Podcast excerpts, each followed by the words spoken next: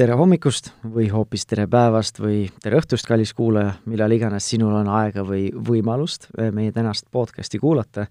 see on eh, Pere ja Kodu podcast ning mina olen Tanel Jeppinen ja täna on meil eh, võib-olla natukene keeruline teema nii-öelda käsil või siis vähemalt põnev ja integreeriv. ja nimelt siis me räägime lapse seksuaaltervisest, seksuaalkasvatusest ja püüame läheneda siis sellest soovvähemuste ja seksuaalvähemuste vaatevinklist, et kuidas nendel, ma ütleks, et paljudele vanematele keerulistel teemadel siis oma lapsega rääkida. ja selleks on mul äh, siin külaline, täna siis ühineb virtuaalselt siin stuudios äh, Kristina Birk-Vellemaa, kes on äh, Seksuaaltervise Liidu koolitusjuht ja koolitaja.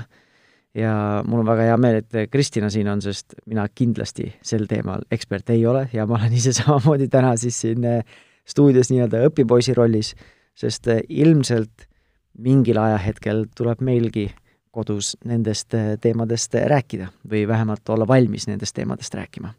nii et esiteks tervist, Kristina, ja suur-suur aitäh, et sa võtsid aega, et meiega ühineda.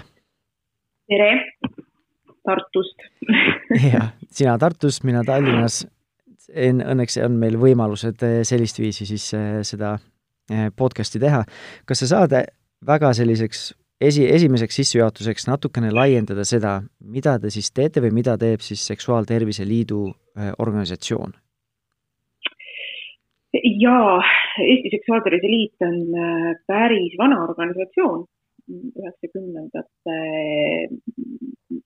üheksakümnendatel on tema siis loodud, aga kahe tuhande viiendast aastast äh, loodud sai ta Eesti Pereplaneerimise Liiduna kahe tuhande viiendast aastast tegutseme siis Eesti Seksuaaltervise Liiduna ja peamiselt äh, või, või noh, võib öelda küll, et kõige lihtsamalt võib öelda, et me oleme eestkosteorganisatsioon, aga inimesed küsivad, et mida see üldse tähendab, eestkosteorganisatsioon.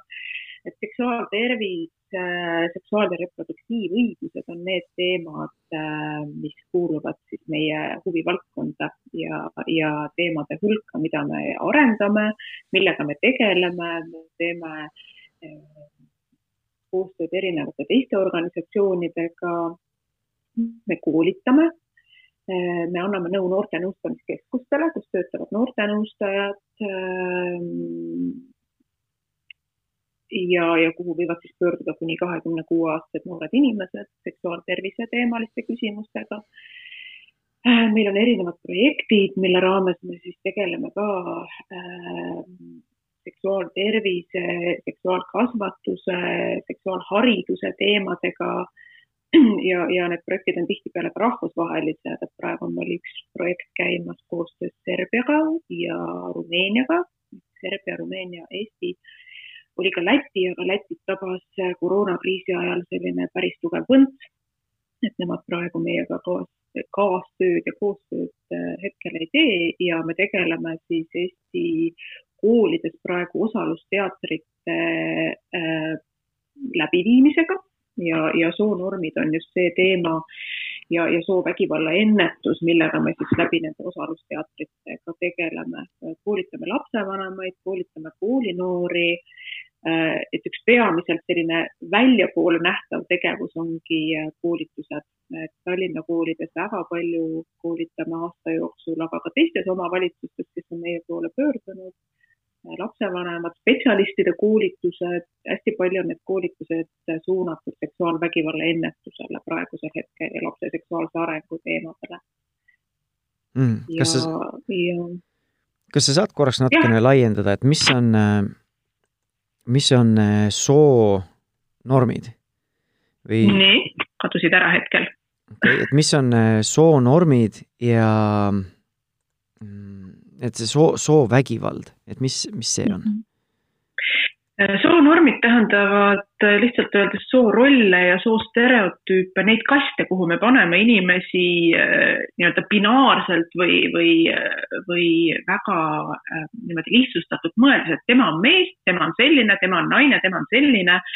poisid käituvad nii, tüdrukud käituvad naa, sest nad on sündinud poiste ja tüdrukutena, et need on sellised stereotüübid, ütleme lihtsustatult ja soopõhine vägivald enamasti me räägime naiste ja tüdrukute vastu suunatud vägivallast ja räägime ka seksuaalvägivallast päris palju selle raames, aga mitte ainult seksuaalvägivallast, et, et see on siis selline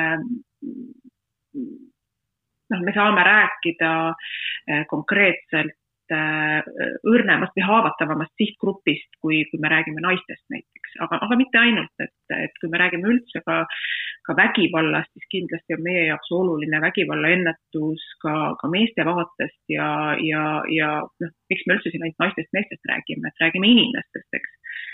ja, ja vägivallatust ühiskonnast laiemalt. Mm.. Um räägime natuke siis nendest soo, soovähemustest ja seksuaalvähemustest, sest äh, see tundub pigem selliste viimase paarikümne aasta teema, mis on väga palju nii-öelda pead tõstnud. ma ütleks Eestis võib-olla siis, kuidas sina seda näed, et kui, kuna see Eestis hakkas pead tõusma või aktiveeruma, aktiveeruma see, see ma ei tea, siis valdkond, sest USA-s ongi, kui vaatad neid filme, see Harvey Milk vist oli ja, ja muud asjad, seal USA-s nagu toimus see asi natukene varem siin natukene hiljem, et paljudele lapsevanematele see on selline ikkagi võrdlemisi värske teema ja kui me oleme siinsamas meie podcast'is ka varasemalt rääkinud äh, seksuaalkasvatusest või õpetusest, sellest, et lapsevanemad võiksid olla see esimene infoallikas, et see usalduslähedus võiks olla ja vanematel võiks olla siis, ma ei tea, kas siis natukene tööriistu, vahendeid või seda julgustki rääkida nendest teemadest. seda, kuidas keha areneb, kuidas keha muutub Äh, seksuaalsusest ja nii edasi, et see noh, ei ole paljudele lapsevanematele küll uudis, et me võiksime seda teha. Ja mhm. niigi see on keeruline teema, millest rääkida, sest kuidagi nagu on, ma ei tea, ma ei tea, kas ta on tabu, aga ta on ma ei tea, välja, väljakutsuv teema, sest äh, väga, mina mäletan enda vanemate puhul, kui minu isa rääkis sellest ilmselt mitu aastat hiljem, kui ta oleks võinud sellest rääkida, seksist ja nii edasi, et see oli nagu ebamugav mulle ja ma tundsin, et ka temale. ja nüüd mm -hmm et see on nagu teada, et ma tahaksin ise teistmoodi teha, rääkida, hoida kuidagi sellist nagu mugavust või sellist lähedust selle teema juures, aga nüüd, kui me paneme veel selle lisateema siia juurde, et ma peaksin valdama või rääkima või tutvustama seda soovähemuste maailma, seksuaalvähemuste maailma, siis see on juba selline ülesanne, mis ma viskaks käpad püsti, et ma lihtsalt, ma ei tea, ma ei oska, ma ei, ma ei tea. kuidagi selline nagu abituse tunne, sest see ei ole maailm, millega ma tuttav olen ja veel vähem siis oskama seda eakohaselt oma lapsele seletada. et ähm, no nüüd, see oli pikk sissejuhatus, ma küsisin ja siis ma hakkasin ise, ise natukene seletama, aga kui ütleme, kuna see teema on siis aktiveerunud Eestis või, või kuna see nagu alguse sai ja ja mida sa siis ütled lapsevanematele sellesama minu mure kohta? ma arvan, et see teema on niimoodi graduaalselt aktiveerunud äh, meie vabanemisest saadik, aga kuidagi teravamalt on see üles kerkinud võib-olla viimased viis-kuus aastat, pigem ehk kuus ja, ja kooseluseaduse teema on selle, selle seksuaalvähemuste ja, ja ka soovähemuste, sest et noh, paljude jaoks käivad need asjad käsikäes aga meie jaoks on ikkagi ka selle teema sees teemasid, mida täiesti selgelt eraldada, et kui me räägime seksuaalvähemustest või soovähemustest. Paljude jaoks on nad käinud käsikäes ja, ja ma arvan, et see on jah, viimase sellise äh, viie, kuue, seitsme aasta teema järjest teravamalt olnud mm. ja, ja kui sa enne rääkisid sellest, et Äh, ja, ja väga õigesti mainisid ära, et mis see seksuaalkasvatuse juures oluline on, siis ma tooksin siia juurde ka selle, et, äh, et lapsevanemad seksuaalkasvatavat, kasvatus on selline sõna, kuhu on väga keeruline tegusõna leida pidevalt me oleme sellega hädas. aga et see kasvatus toimub niikuinii, kas sa teed midagi lapsevanemana või sa ei tee midagi lapsevanemana.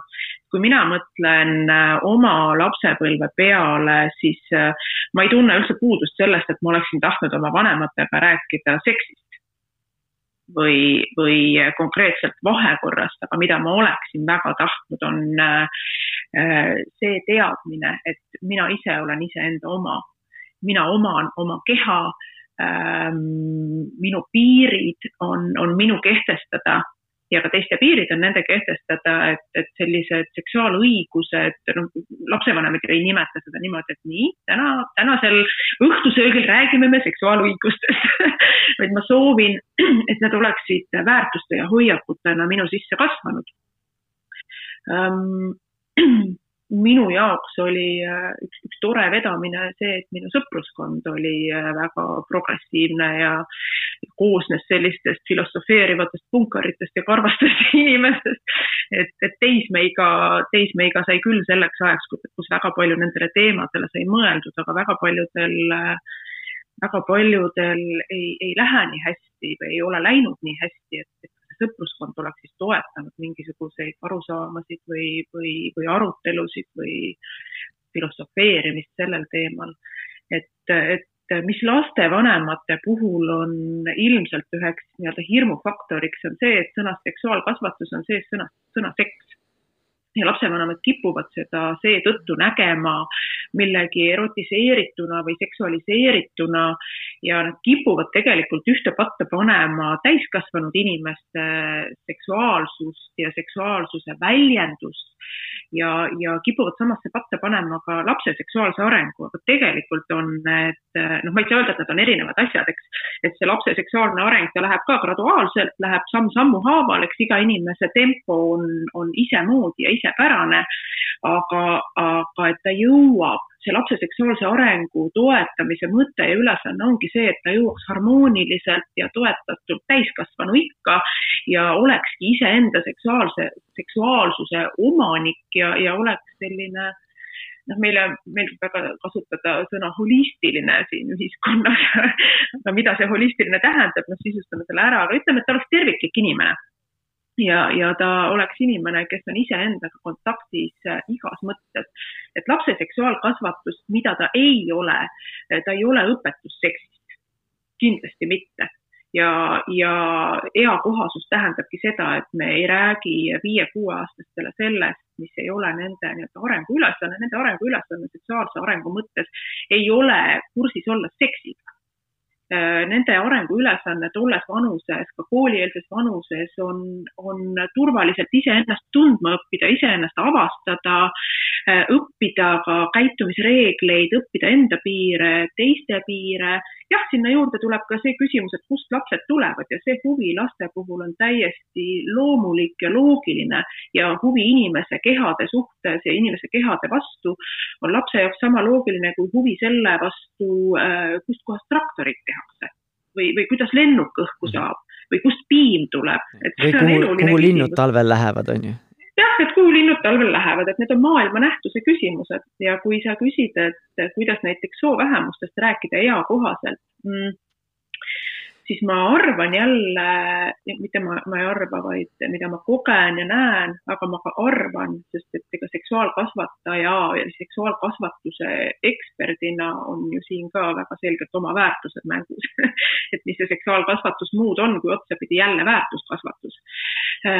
et lapsevanemad, üldse täiskasvanud kipuvad liiga palju mõtlema või pelgama seda, kuidas ma midagi ütlen aga palju-palju olulisem tegelikult on, kuidas ma ise olen, kes ma ise olen ja kuidas ma, kuidas ma olen lapsele, kuidas ma olen lapsega.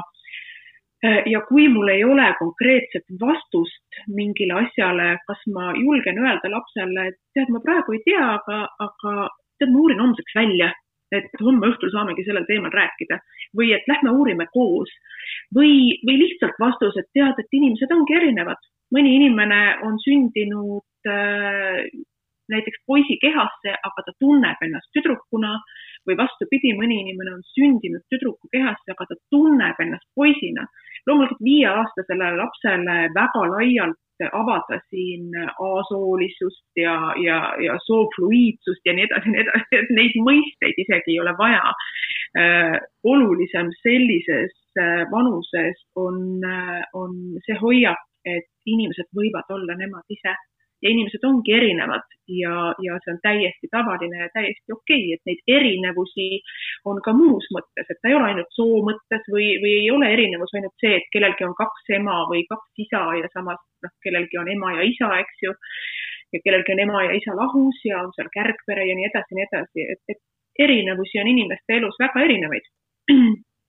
ja vabandust, soo ja, ja seksuaalse identiteedi küsimus on lihtsalt üks osa nendest erinevustest mm. -hmm. no eks loomulikult oleks lihtne ju, kui keegi annaks mulle võlulause, ütle mulle need sõnad, mida ma peaksin ütlema ja, ja nii edasi, et see oleks, teeks asja lihtsaks, aga alati ei ole need asjad nii lihtsad.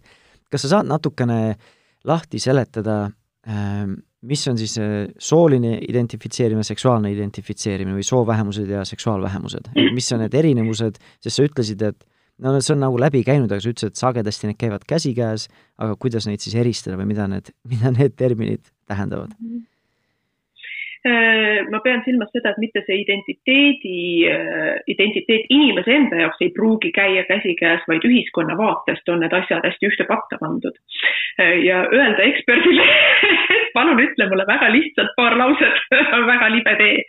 aga kui me räägime, okei okay,, räägime siis, püüame lihtsalt rääkida, see on mulle endale ka õppetund, mulle väga meeldib õppetunde saada vastastikuselt kui me räägime sooidentiteedist, siis see tähendab seda, kellena ma ennast tunnetan või kellena ma ennast näen, kas ma tunnetan ja kogen ennast äh, samast soost olevat, mis on minu bioloogiline sugu, ehk siis kui ma olen sündinud ähm, äh, bioloogiliselt poisi või tüdruku, mehe või naisena, kas ma ka tunnetan ennast mehe või naisena ja see, see ei ole küsimus sellest, mida ma tahan või mida ma endale välja mõtlen. see on küsimus inimese ajukeemias, inimese hormoonide toimimises Äh, ja, ja see on palju keerukam asi kui lihtsalt äh, tahe või tahtmine. Äh, seksuaalne identiteet tähendab seda, kelle suhtes ma tunnen külgetõmmet. Me võime siin rääkida ka ähm, väga erinevatest kategooriatest, aga lihtsalt, et kas mulle meeldivad endaga, endaga vastassoost olevad inimesed, kas mulle meeldivad või tunnen ma külgetõmmet endaga samast soost olevate inimeste suhtes või ei ole minu jaoks vahet, Mm, kelle suhtes ma külgetõmmet tunnen. Äh, ehk siis me räägime heteroseksuaalsusest, me räägime homoseksuaalsusest ja me räägime siin ka panseksuaalsusest äh, või biseksuaalsusest, et sinna biseksuaalsuse ja panseksuaalsuse arutelusse ma praegu ei laskuks see on jälle selline seksuaal, seksuaalõigustega ja seksuaaltervisega tegelevate inimeste, aga ka inimeste, kelle jaoks see on identiteedi küsimus, sellised pikad vaidlused ja arutelud. Aga just, et, et soolisus ehk siis kellena ma ennast soo mõttes näen ja kogen ja tunnen ja, ja seksuaalsus, et kelle suhtes ma tunnen külgetõmmet. Ja et see seksuaalne identiteet on nagu rohkem suunatud sellise, ütleme niimoodi, et mitte suunatud väljapoole, aga, aga see on see, et see keegi äh, noh, kasvõi abstraktses mõttes või, või väga selges mõttes on olemas, kelle poole see on suunatud, aga kui me räägime soolisest identiteedist, siis see on see, kellena ma ennast seestpoolt näen ja tunnetan mm,. aga kuidas siis äh sa ütlesid, et see ei ole päris see, et sa ei saa mõelda ennast, kui ma olen näiteks sündinud äh, bioloogiliselt mehena, et ma ei saa mõelda ennast siis nii-öelda naiseks, on ju. et see on mingi ajukeemia või, või mingitest muudest teguritest tuleb. Et lapsevanematel siit-sealt, kus mina olen nagu puudutanud seda teemat, siis ongi, ma ei taha nagu või ma pelgan lapsevanemana avada neid teemasid või rääkida nendest teemadest, et nii-öelda mitte ise külvata seemneid ja ajada võib-olla last segadusse, et kuidas ta siis nüüd ennast identifitseerib või kuidas ta ennast tunneb, et no isegi täiskasvanu, ma olen elanud mehe kehas, tunnen ennast mehena, aga ma ei kujuta isegi ette, mismoodi ma tunneks ennast naisena, kas see siis tun-, ma tunnetan seda teistmoodi või siis kuidagi endal juba on keeruline nii-öelda haarata seda kontseptsiooni äh,? Oota, ma korra kadusin poole pealt ära ütle uuesti selle. et kui, et kui endal täiskasvanunagi on nagu raske võib-olla neid konts-, seda kontseptsiooni haarata, et ma olen nüüd mehe mm -hmm. kehasse sündinud, ma tunnen ennast mehena, aga kuidas siis võiks tunda üldse naisena või et kui ma nüüd mm -hmm. räägin sellest lapsele, ma ei oska isegi kirjeldada, et näed, sa tunned ennast siis teistmoodi või kuidas sa siis tunned või mm -hmm. nagu eriti, kui me räägime, eks see on erinev ka, kui ma räägin väikelapsega, no võib-olla ongi natukene liiga palju aga samas, kui ma räägin teismelisega, kui ma ise mäletan oma teismelisiga, siis ongi selline nagu oma koha otsimine, oma identiteedi -hmm. otsimine, siis sagedasti võib-olla see nii-öelda eksperimenteerimine ja kahtlemine oma identiteedis tuleb nagu ealiselt kaasa, mitte see, et ma nüüd olengi keegi teine, vaid lihtsalt nagu katsetan, mõtlen, avastan, arvan ühte või teist, mis tegelikult võib-olla ei ole, noh mm. -hmm. Um, jälle tuleme sellesama teema juurde tagasi, et võib-olla me mõtleme üle äkki me mõtleme liiga keeruliselt, äkki me mõtleme, et lapsed tahavad natuke rohkem selgitusi ja seletusi, kui nad tegelikult äh, nagu vajavad või tahavad just otseselt meie käest. et võib-olla nad pigem äh, vajavad luba olla ja luba uurida ja luba olla uudishimulikud ja avastavad ja seda toetust, aga kui sa küsid, et kuidas siis selgitada, kuidas tunda ennast naisena või mehena või kuidas teistmoodi siis on, ega minul ei ole ka vastust. ma hakkasin just üleeile mõtlema selle peale ise tegelikult, et mida see tähendab, kui ma ütlen, et minu sooidentiteet on naise oma. mida see tähendab, mida see, mida see endast tegelikult sisaldab? Et et see sooidentiteet ju väga palju on puudutatud sotsiaalsest soost või sellest, noh, sotsiaalne sugu tähendab seda, kuidas ühiskond näeb meest või naist, eks ju. ja, ja, ja kuidas ma oskan selle niimoodi ära sisustada, et, et öeldagi kindlalt, et see olen mina kui Kristina, kes näeb ennast mehe või naisena mitte see, et see on ühiskond, kes ütleb mulle, et näed, nii ma peaksin ennast nägema mehe või naisena Äh, et võib-olla ma olen natukene keeruline partner selles mõttes, et, et ma ise väga palju mõtlen nendele teemadele ka ise igapäevaselt, mitte ainult sellepärast, et ma töötan seksuaaltervise valdkonnas, vaid ma praegu äh, läksin teist magistrikraadi omandama antropoloogia ja etnoloogia ja, ja folkloristika erialale ja need on need teemad, mille peale ma mõtlen väga palju inimeseks olemise raames. ja mm, ja võib-olla noh, see, ei olegi asi, mida ma saan öelda kahe lausega või kolme lausega, vaid see on miski, mille, mille peale on väga palju inimestel vaja mõelda iseendas, aga tegelikult me ei ole selleks valmis. et see, et see vastuseis tegelikult hästi palju tuleneb sellest, et see on miski, mis muutub ja inimeste vastuseis muutustele, eriti kui see on selline väga segane teema, on, on päris aktiivne, sest tundub, et see kõigutab meie turvalisust päris palju. ja, ja kui sa küsid, et noh, kuidas öelda teismelisele siis, et kuidas ennast tunda mehe või naisena, ega see ei olegi lihtne mina ei oskaks sellele ühest vastust anda ja, ja samas minu jaoks on täiesti okei okay,, et ma ei oska sellele ühest vastust anda Äh, mida ma teeksin teismelisena, on arutada temaga, et, et mis sa arvad, kuidas, noh, kui sa peaksid ütlema, milline on, ma panen siia jutumärgid, tõeline naine või tõeline mees, et kuidas sina seda kirjeldaksid või kuidas sa oled seda näinud?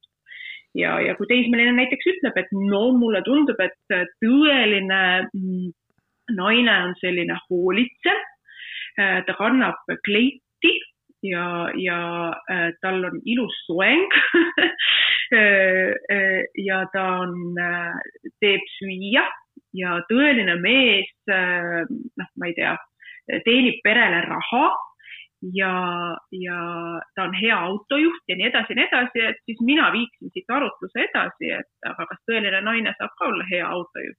Kas tõeline naine, nii-öelda tõeline, ma ei tea, ma kogu aeg jutumärgitan seda, sest jälle see on minu jaoks selline konstrukt. aga et kas tõeline naine saab ka perele raha teenida, kas tõeline mees on hea kokk ja hoolitsev ja nii edasi ja nii edasi.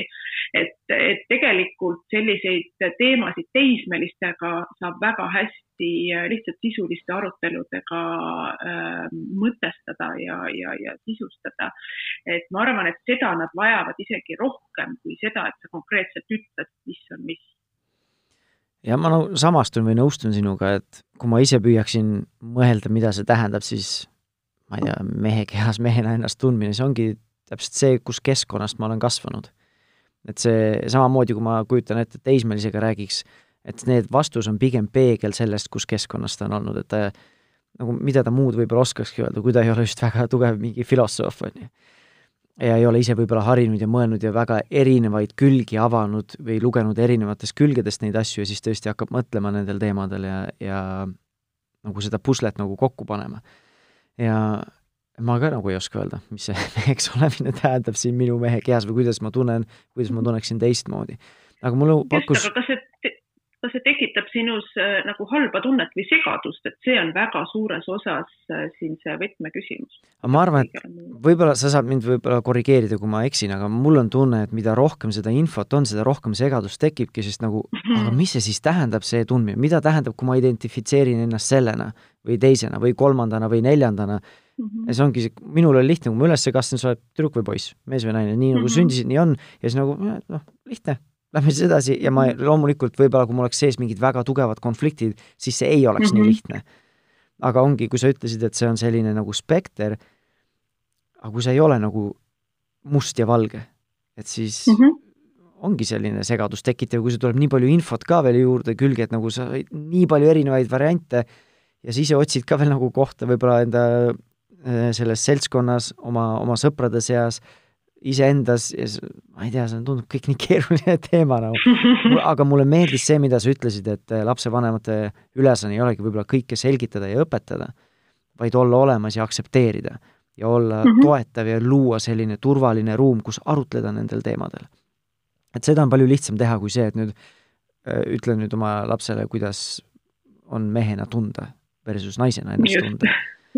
aga et mis mulle väga huvi pakkus äh, selle juures et sa alguses rääkisid, et te teete noortekoolitusi ja kui sa mm -hmm. ütlesid seda, et noortel ei olegi võib-olla vaja seda, äh, et me teaksime kõiki vastuseid, aga seda hoolitsust või seda nii-öelda toetust, siis äh, mul siis nagu tuli kohe mingi tulukene peas läks põlema, aga kui te teete neid koolitusi, kindlasti on teil mingit kogemust mm, -hmm. mingit sellist nagu pilguheit äh, selliste noorte hinge või pähe, et mis siis on need kõige põletavamad teemad, mis neid kas huvitavad või mis neis, ma ei tea, kas nagu muret tekitavad, aga mille puhul nad nagu otsivad tuge või, või toetust mm? -hmm.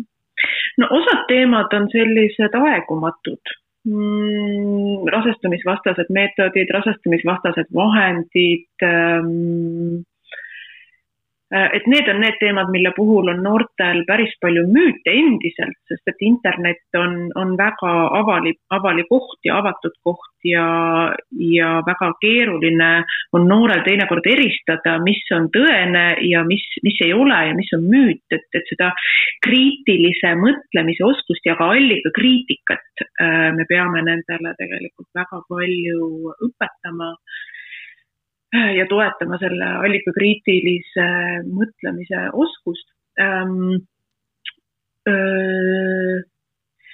Huvitav on see, nagu ma enne, enne, enne saate salvestust me sinuga natukene ka vestlesime, eks ju, et noorte endi jaoks on need sildid, noh, kui me räägime LGBT pluss teemadest, tihtipeale noored küsivad, et isegi nad ei küsi, nad saavad aru, miks me nendest teemadest ka eraldi räägime, aga, aga, aga nende arutelude jooksul tuleb nende jaoks välja või nende, nende poolt siis välja see, et aga, aga, aga tihtipeale me ei tunnegi, et neid silte vaja on.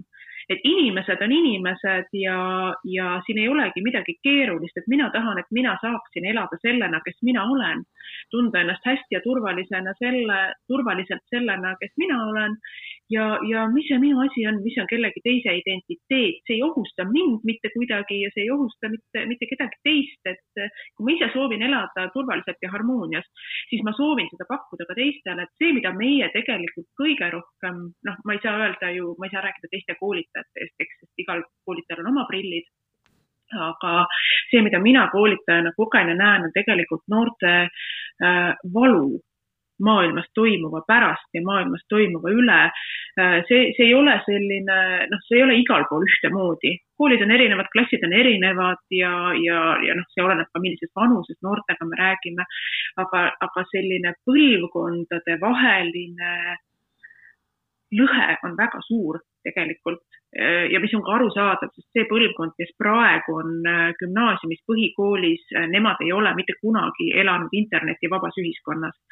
see on täiesti uus generatsioon, mm, informatsiooni on neile tulvanud väga palju peale, mis ühest küljest on suurepärane, sest nad ei ela selles väikeses infomullis ja, ja nad saavad äh, oma mõtlemist ja, ja hoiakut kujundada ka teistmoodi kui ainult noh, oma pisikeses kogukonnas. Teisest küljest jälle, nagu sa ise ka ütlesid, mida rohkem infot, seda rohkem segadust. Ja, ja vahel puuduvad need turvalised täiskasvanud, kellega nendel teemadel rääkida, mitte, mitte, mitte täiskasvanud selles mõttes, et kellelt need konkreetsed vastused saada, vaid täiskasvanud, kes nagu toetavad selles infomüras orienteerumist. seksuaalvägivald on üks väga oluline teema ja, ja noh, sage teema, millest noortega rääkides selgub, et et ühest küljest neil on äh, arusaam, mis see seksuaalvägivald on ja nende jaoks on see järjest aktsepteerimatu, teisest küljest internetis leviv vägivald ja internetis äh, toimuv seksuaalvägivald, ahistamine äh, on nende jaoks selline palju hägusapiirilisem mis ei tähenda jällegi seda, et see neid kuidagi valusasti mõjutada ei võiks, ikka mõjutab mm..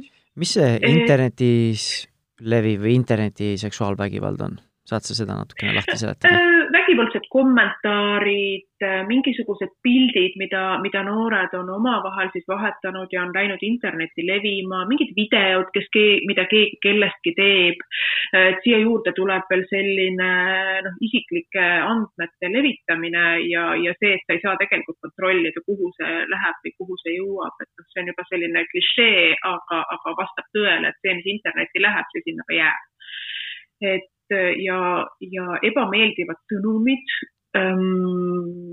pöördutakse aeg-ajalt väga selliste räigete ettepanekutega, väga räigete küsimustega, et kui näost nähtu selliseid asju võib-olla nii lihtsalt ei tulda tegema, siis sõnumeid või, või sõnumiruumis selliseid asju ikkagi saadetakse palju lihtsamalt. mingid pildid, peenisepildid näiteks, mida keegi ei soovi, ei ole tahtnud see on ka seksuaalvägivald, keegi mulle saadab selliseid asju ilma minu soovita või see, kui keegi, kui mina olen näiteks kellegagi ähm, enda meelest usalduslikus suhtes ja ma ei tea, flirdime, eks ju, sõnumite vahendusel ja saadan kellelegi oma alasti pildi ja siis see keegi, keda ma arvan, et ma olen saanud usaldada, äh, viib selle pildi väljapoole meie vestlust et sellised seksuaalse sisuga pildid, mida jagatakse ilma minu nõusolekuta, see, see sõidab sisse minu seksuaalsusesse ja minu seksuaalse, minu piiridesse, minu keha piiridesse ka ja see on ka seksuaalvägivald oma olemuselt. ja vot seda tuleb noortele väga palju selgitada, et see seda on. ja kas see on seksuaalvägivald äh, ka seaduse, äh, seadusega reguleeritud või on see seadusega nii-öelda defineeritud seksuaalvägivallana või ei ole veel? Ei, aga siin oleneb jällegi äh, äh, vanusest, oleneb sellest, milline see materjal, mida on jagatud, et seda tegelikult reguleerivad äh, erinevad seadused erinevate paragrahvidega, et ega see internetis toimuv ongi selline ühest küljest hall ala, teisest küljest keeruline ala ja, ja Maarja Punak on see inimene, kes väga hästi neid teemasid tegelikult avab aga otseselt seksuaalvägivallana meie paragrahvides näiteks seda, et, et mina saadan kellelegi pildi ja keegi selle kusagile laiali saadab, et seksuaalvägivald on, on Eesti seadusandluse järgi palju kitsamalt äh, piiritletud ja sõnastatud. aga need, need teemad, millest sa just rääkisid, need on, need on ju tegelikult olulised teemad ja nende eest peab lastega rääkima. ja ma ei usu, et te nüüd jõuate oma koolitustega iga, iga nooreni või jõuate ei päris kindlasti mitte iga nooreni, noh, Tallinnas on meil see, see, see tore asi, et Tallinna linn on igal aastal tellinud projektipõhiselt koolitusi ähm, sada seitsekümmend, midagi on neid olnud äh, tellitud sellel aastal. aga see ei tähenda, et me iga Tallinna nooreni jõuame, et päris kindlasti me ei jõua iga nooreni. minu unistus tegelikult ongi see, et et lapsevanemad ja õpetajad, seksuaalkasvatus on kogukonna asi, see ei ole ainult, äh, ainult õpetajate asi või kooli asi, see ei ole ainult lasteaia asi, see ei ole ainult äh, väljastpoolt tulevate koolitajate asi ja see ei ole ka ainult lapsevanemate asi, aga see algab kodust. seksuaalkasvatus algab esimesest hetkest, kui laps sünnib.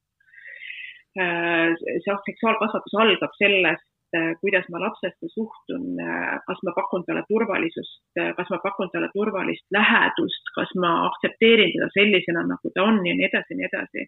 et unistus on ikkagi see, et, et need meie, meie koolitused ei oleks vajalikud mitte sellepärast, et vastasel juhul teadmised on väga nõrgad või lonkavad, vaid et nad võivad olla vajalikud sellepärast, et mingit lisategevust pakkuda aga, aga see sihtgrupp peamiselt võikski olla jah, lapsevanemad ja, ja täiskasvanud, kes tegelevad laste ja noortega. Äh, mis on sinu sõnum nendele lapsevanematele, kes on väga konservatiivsed ja nad võib-olla nagu pelgavadki või nad ei taha nendest teemadest rääkida, sest nad ei taha, et lapsed äh, oleksid nii-öelda nagu teadlikud või ongi seesama, mis ma alguses ütlesin, et nad kardavad seda, et nagu külvavad seemneid ja panevad lapsi siis mm -hmm. mõtlema teemadele, mille nagu ei peaks mõtlema või panevad ka kahtlema oma seksuaalsuses või oma soolisuses, äh, kui nad võib-olla ei peaks seda tegema, sest noh, nad on sündinud ju sellesse kehasse, äh, siiamaani nad on olnud poisid või, või tüdrukud ja nad lihtsalt kas nagu pelgavad või võib-olla ongi nagu rea-, reaalselt nii-öelda vastu äh, sellele kõigele, millest me oleme siiani rääkinud. mis, mis sinu sõnum nendele vanematele oleks? Ja no see on ilus väljend, seemneid külvama, seemned äh, on külvatud seksuaalsuse ja soolisuse teemal, need seemned on külvatud meisse juba siis, kui me oleme ema üsas kujunemas, äh, siis kui me oleme juba sündinud. Et see, see, need teemad on inimeseks olemise täiesti lahutamatu osa. Mm. ja lapsevanemad jah, pelgavad, et kui me nendest teemadest räägime, siis kellestki äh, saab homoseksuaalne inimene, keegi muutub transsooliseks. aga kui me nüüd äh, äh, kriitiliselt ja, ja rahulikult mõtleme, siis homoseksuaalsus ja transsoolisus on olemas olnud nii kaua, kui on olemas olnud inimesed ja, ja mida rohkem erinevaid kultuure uuritakse, seda rohkem selgub ja, ja, ja kujuneb see, see pilt inimesest kui väga mitmekülgsest ja väga mitmekesisest olevusest. Mm, ja kui, kui näiteks ma mõtlen selle peale, et minu vanuses inimestele väga tihti seksuaalharidust ei olnudki ja ei tehtudki. et ta küll tuli üheksakümnendatel äh, Eesti haridusse, aga see ei tähenda seda, et, et äh, lisaks deklaratiivsele seksuaalharidusele oleks ta ka sisuliselt olemas olnud. noh, ei olnud ju õpetajate ettevalmistust ega midagi. ja ega siis see, et meiega nendel teemadel ei räägitud, ei tähenda seda, et meie põlvkonnas ei oleks transsoolisi inimesi, ei oleks homoseksuaalseid inimesi, pansoolisi või panseksuaalseid, biseksuaalseid seksuaalseid inimesi ja nii edasi, nii edasi. Et see varieeruvus ja pilt on alati olemas olnud. küsimus on selles, kui palju on alati inimestel lubatud ja lastud olla nemad ise.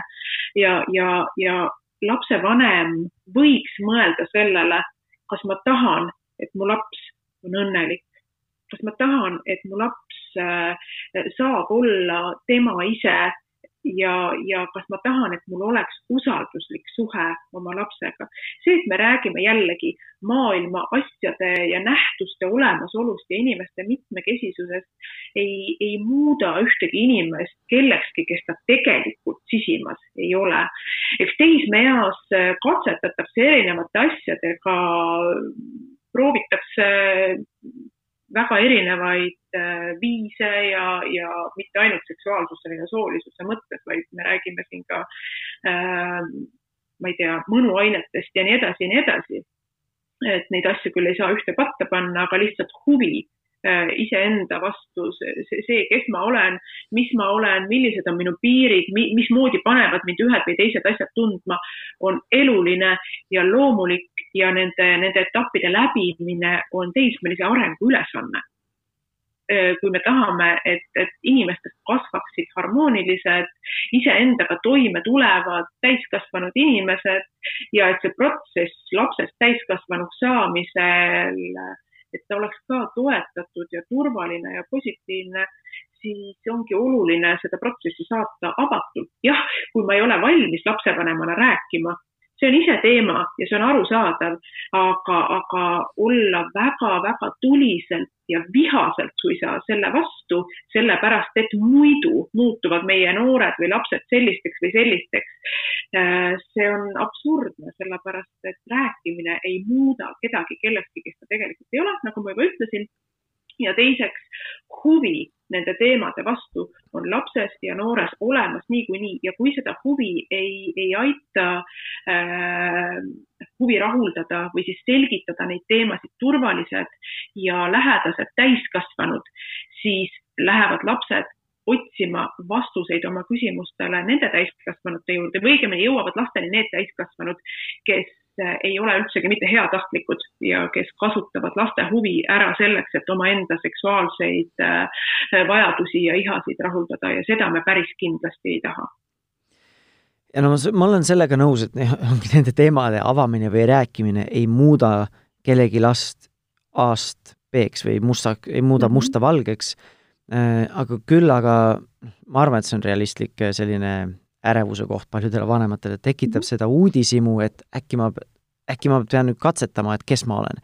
äkki ma pean nüüd tegema midagi, mida ma muidu võib-olla ei teeks või ma võib-olla muidu ei katsetaks nende asjadega. Äh, mis ma ei ütlegi, et see on vale või õige, sest noh, kui ma enda teismelisuses, teismeikka tagasi vaatan, eks see oligi parast selline oma koha otsimine, oma nii-öelda mhm. katsetamine, aga jälle see hirm on, et võib-olla ta ikkagi jah, et võib-olla satubki, nagu sa ütlesid, mingisse suhtesse, mis võib-olla ei ole tema jaoks õige või hea suhe, noh. just selle ainult katsetamise nii-öelda eesmärgil. aga sedapidi ongi ju võimalik teada saada, kas see on minu jaoks või mitte, et, et minu küsimus ongi see, et mis siis halba selles katsetamises on, et mis sellest siis juhtub, kui, kui sinu teismeline poeg äh, mõtleb, et hmm, äh, ma ei ole päris kindel, et, et, et, äh, et kas, kas ma ikka tunnen ennast mehena või ei tunne või, või, või kuidas see sooidentiteedi katsetamine siis on või kui teismeline tütar, äh, ma ei tea, suudleb teise tüdrukuga, et mis sellest siis nii hirmsat on? ilmselt ei olegi midagi muud peale see, et see on midagi väga uut või midagi väga teistsugust võrreldes sellega, mhm. kuidas minu lapsepõlv või noorus oli, on ju ja mhm. noh, eks see, kui internetis nii-öelda uurida, siis äh, kuulebki ja näebki neid väga radikaalseid äh, Äh, nii-öelda äärmusi, küll äh, neid lapsevanemaid, kes siis lubavad äh, oma lastest lahti öelda, kui nad identifitseerivad ennast teistmoodi, või aga on ka neid hästi positiivseid, kus siis tõesti mingid vlogerid näitavad, kuidas nad nagu higistavad ja pabistavad ja siis lähevad ema või isa juurde ja siis saavad just sellise sooja ja aktsepteeriva vastuvõtu, kuna ma tegelikult teadsin juba mitu aastat, ootasingi, kuna sa kapist välja tuled, on ju. ja noh, kui enda, ennast sinna rolli panna, siis loomulikult noh, nii palju, kui ma suudan ennast ette kujutatud, see, kujutada sellesse rolli, ma tahaks olla see lapsevanem, kes muidugi aktsepteerib oma last sellisena, nagu ta on. aga nüüd, kuidas lapsevanemana, nii-öelda lõpus nüüd see selline eh, küsimus, et kuidas lapsevanemana siis reageerida nendele, nendesse asjadesse, kui eh, lapsed siis kas kahtlevad või siis toovad välja mingeid äh, suhtumisi erinevas eas, noh näiteks tuleb lasteaialaps äh, koju ja siis ütleb, et ma ei tea, mulle meeldivad hoopis tüdrukud või mulle meeldib see tüdruk minu lasteaiarühmast, on ju. või siis, kui tuleb eh, kooliealine laps, ütleme algkooli lõpus seal mingi kümne, kümneaastane laps ja tema ütleb, ma ei tea, näiteks ongi, et ta tegi te samasoolisega musitas, on ju, või tegi musi, on ju mm. -hmm või siis mm -hmm. see, ja siis ongi näiteks teismeline, kes võib-olla tõesti on seksuaalselt katsetanud erinevaid asju, mida siis, mis minu nii-öelda võib-olla arusaamisesse või pähe nagu ei mahu et kuidas nagu sellesse reageerida, et ongi, üks on võib-olla selline lapselik lihtsalt midagi ütlemine, teine on siis reaalne selline katsetamine, et kuidas sellega lapsevanemana või kui tõsiselt neid asju võtta või kuidas nendesse suhtuda, kuidas nendesse reageerida? tead, kui sinu lapsed tulevad äh, ja ütlevad, et on nii ja on nii ja on nii, siis sa oled teinud kõik väga õigesti. sest et need lapsed tulevad ja ütlevad sulle ja see tähendab seda, et, et see kõige olulisem, mis peab olema, usaldus, armastus ja avatus on olemas lapse ja lapsevanema vahel et kõige nukram on see, kui lapsevanem ei saa mitte kunagi sellest teada, sellepärast et ega lapsed ju korjavad üles selle hoiaku ja suhtumisega ilma selleta, et lapsevanem sõnadega pidevalt ennast väljendab, ehkki selline ütleme niimoodi, et põlgus või, või hoiak, et teistsugused ei ole okei okay,, see, see enamasti käib ju ka sõnadega läbi, mitte otse lapsele suunatult, aga täiskasvanute omavahelises suhtluses. ja, ja sellistes peredes laps ei tule lapsevanemale rääkima ja, ja kui tal on mure, ei ole tema vanem esimene inimene, kelle poole ta pöörduda julgeks või saaks. et ähm, noh, minu jaoks ma räägin, et minu jaoks need, need, need rõhuasetused või valukohad või ka rõõmukohad on tegelikult mujal ja, ja, ja see rõõmukoht ongi selles, et kui sa ütled, et kui mu laps tuleb, ütleb, et ta lasteaias või, või klassis äh, musitas samasoolisega, sa oled kõik õigesti teinud. sellepärast, et ta tuleb ja ütleb seda sulle ja, ja tahab sinuga seda arutada, kuidas sa sellele reageerima pead võib-olla ongi üks küsimus, et kuidas sa tunned ennast. et, et sul on selline kogemus, kuidas see ennast sind tundma paneb või, või mis tundeid sa tundsid või, või mida sa mõtled ise praegu ja las siis laps räägib, sest küsimus on tegelikult ju selles, mida laps selle sees tunneb. või mis tähenduse laps sellele asjale annab. jah, et mis tähenduse tema sellele annab? Äh, ja, ja vähem on tegelikult ju siin küsimus selles, äh, kuidas mina lapsevanemana selles ennast tunnen. mina täiskasvanuna pean oma tunnetega toime tulema, isegi siis, kui see tekitab minus ebalust minu ülesanne on toetada oma last jällegi, äh, et ta tunneks, et ta on armastatud ja et ta tunneks, et ta on mitte ainult aktsepteeritud sellisena, nagu ta on, vaid et ma tervitan teda sellisena, nagu ta on ja, ja ka tema arengut ja tema katsetusi selle arengu teel. Hmm.. no väga hea nii-öelda lõpe, lõpuakord ka, ma arvan, siia. Kas, kui nüüd lapsevanematel on endal huvi või näiteks nendel teismelistel on huvi ja neil ei ole endal vastuseid anda, saad sa neid suunata kuskile ressursile või enda Äh, teie liidu, Seksuaaltervise Liidu kodulehel, et kus neil on võimalus rohkem natukene avastada seda teemat? Äh, amor.ee on Seksuaaltervise Liidu noorteleht ja nüüd oktoobris äh, saab ta täiesti uue kuue ja uue, uue sisu. Ähm, et ma arvan, et, et need inimesed, kes, kes sinna lehele jõuavad, näed, näevadki tegelikult juba teist pilti, kui, kui meie näeme saate salvestuse ajal. et, et Äh, sealt saab väga palju materjali erinevatest teemadest, mis puutub seksuaaltervisesse ja seksuaalharidusse ja, ja noorte nõustamisse. ehkki amor.ee on selline meie noorteleht, ei kasuta seda mitte ainult noored, vaid ka just nimelt lapsevanemad ja õpetajad ja lastega tegelevad spetsialistid, et, et infot saada. nii et amor.ee. just väga hea suur,, suur-suur aitäh sulle, Kristina, et sa täna oma kogemusi ja oma ekspertiisi tulid jagama ja oma mõtteid vahetama ja ma arvan, et see pani paljusid vanemaid vähemalt mõtlema sel, nendel teemadel. aitäh kutsumast! ja täna oli siis saatekülaliseks äh, Kristina Pirk-Vellemaa, Seksuaaltervise Liidu koolitusjuht ja koolitaja ja kallis suur kuulaja, sulle ka suur-suur aitäh, et sa täna meid äh, kuulasid, kui see teema kõnetas sind, siis kindlasti vaata amor.ee kodulehte ja kui sa oled suur podcasti kuulaja, siis kindlasti vaata ka meie varasemaid podcast'e, sest nagu ma ütlesin, me oleme seda seksuaaltervise ja kasvatuse teemat varem ka juba katnud, et siis äh, need varasemad podcast'id leiad kas äh, Pere ja Kodu või Delfi veebiväljaandest, oma podcasti nutitelefoni rakendusest või oma nutitelefoni podcasti rakendusest või Spotify'st. ja kindlasti viska silm peale ka minu sooloprojektile Rahumeelse vanemluse podcastile. aga aitäh veel kord ja järgmise korrani, tšau!